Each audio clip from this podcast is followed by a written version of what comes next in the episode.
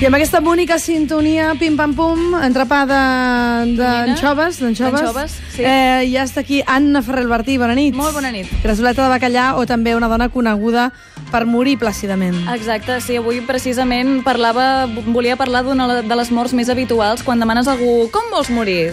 A mi m'agradaria anar-me'n a dormir i no despertar-me.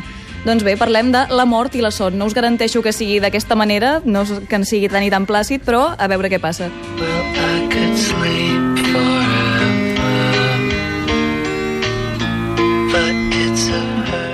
Bé, comencem parlant d'un dels plantejaments que a mi em fan més por del món d'un thriller, que és el de Malson a Elm Street, perquè, clar, Jo, jo no l'he pogut veure mai, et confessaré des d'aquí.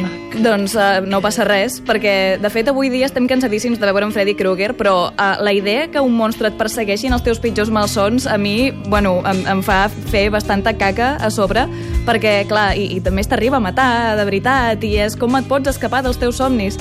I bé, pa volia parlar del el plantejament de la pel·lícula està basat en una condició, una patologia, una malaltia autèntica, que es diu la síndrome de mort nocturna sobtada que és bueno, un nom espectacular i molt literal perquè vol dir exactament això, eh, la gent es mor de cop a la nit, se'n va a dormir i no es desperta, però pateix una mica abans. I Però, és... home, això és el somni que tenim una mica tots, no? Morir-te sense adonar-te'n, No, no? no, hi ha patiment. El, el Sí? que passa és Ah. que... Sí, sí, vull dir, Anna. sabem... Què, dona? Hi ha patiment, no? Però Estàs hi, ha, dormint? però hi ha coses divertides. Ah. A les, bueno, divertides. Vull dir, sabem... Espera, t'explico, vaig a pams. Sabem que sobretot s'ha detectat en homes joves i asiàtics i que la causa té alguna cosa a veure amb el fet que el cos no coordina correctament els senyals elèctrics per mantenir el cos bategant.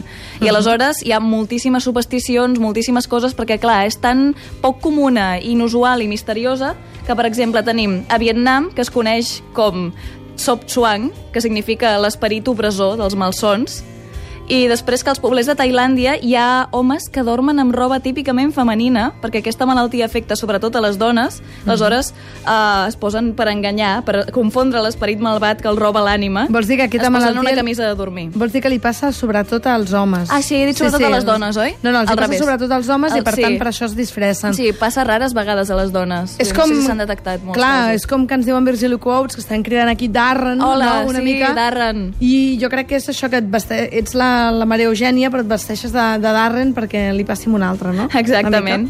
I finalment diuen que els ancians filipins, on es coneix el síndrome amb el nom de Banguntot i es creu que la víctima és plenament conscient del que li passa i no pot fer res, diuen, si pots moure't una mica, mou el dit gros del peu, com a Kill Bill, mueve el dedo gordo, i així diuen que el cor podrà tornar a bategar amb normalitat. Hi ha moltes cures d'aquestes de la iaia. Una cosa, Anna, Digues. abans que em canvis de tema, Digues.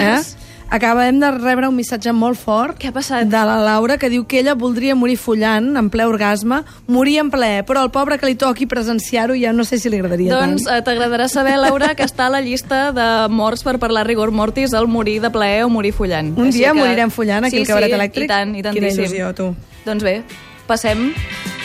És que clar, després d'aquest missatge, m'entens? Sí, home, ara, és molt no difícil puc continuar el millorar-ho. programa. No puc millorar-ho, molt, és això. molt difícil. Everybody got problems, buddy, I got mine. When midnight comes around, I start to lose my mind. When sun puts out the light. És que tenim uns oients que són uns kings.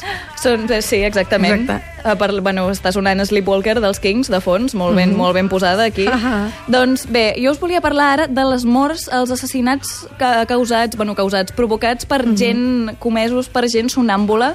Jo em pensava que amb el sonambulisme passava com quan t'hipnotitzen, que no pots fer coses que no faries en plenes facultats mentals, però es veu, es veu que sí. I em pensava que no era perillós. Doncs uh, sí, uh, efectivament. En alguns casos sí. És perillós. Això ho hem vist en ficció, per exemple, a l'obra mestra del cinema de l'expressionisme alemany, El gabinet del doctor Caligari. Ja, però un- aquest ja el veies capaç de fer això, no? En Conrad Veidt, tan jove Sí. i tan guapo, sí, per què no? Però, però bueno, jo, jo em deixava matar per el personatge d'en Conrad Veidt, ja t'hi m'agrada veig, molt. ja t'hi veig.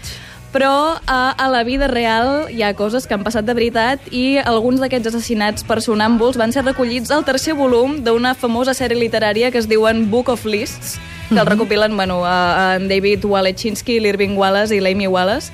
I a continuació us presento dos dels meus casos preferits, molt ràpid, d'assassins sonàmbuls. Primer una senyora que es deia Esther Giggs, que estava somiant que a casa seva es cremava i el crit de salveu les meves criatures va llançar una de les seves criatures Home. pel balcó. Molt bèstia. Oh. I finalment, un senyor que es deia Robert Ledru, bueno, no sé com es pronuncia, un policia francès que li van encarregar investigar un assassinat i va descobrir que ell era el culpable. Però Vol dir que va descobrir que ell era el culpable. era una persona que coneixia o que vivia a prop seu i va anar seguint les pistes i es va donar que ell, eh, sonàmbul, havia disparat una arma i havia mort una persona a qui li dius, havien encarregat pobrets? seguir. I es va entregar clar, era un bon policia, va anar a dir, senyor, eh, jefe, cap, eh, m'he d'entregar. soc una mala persona. Soc un assassí. I això, eh, el novel·lista Frederick Oughton va escriure una novel·la basada en el cas aquest, que es diu Les dues vides de Robert Ledru.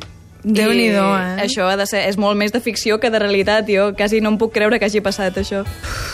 Quines històries que ens explica l'Anna cada setmana. Mhm. uh, però vaja, tot i així, morir dormint no em sembla un mal, pla, un mal plan, eh? No, no, bueno, la, la, bé. la síndrome de la mort sobtada nocturna suposo que una mica de patiment hi ha, però no, no em sembla tan i tan mal pla com moltes altres En coses. triaria, bueno, la de follar és imbatible, com la nostra amiga Ja arribarà, Anna, ja arribarà. eh, la nostra amiga Laura, però vaja, uh, m'has de dir un número per Sí. la gent que ha guanyat el còmic de l'1 a l'11, perquè per qui s'endú el còmic del Mauro en Trialgo? El 6. Doncs el 6, Queen of Spades, arroba satèl·lite a Twitter, aquesta dona o home, no ho sabem, s'endurà el còmic, i les entrades d'Amazonis se les endú tothom que ha escrit, perquè, escolta, tenim moltes, Fantàstic. i tothom content, la Xus, el Miquel Rasclosa, l'Imma Casadellà, així que, amics, que bonics marxar amb aquestes bones no- notícies. Nosaltres no morim, però, escolta, tornarem demà a les 9 de la nit.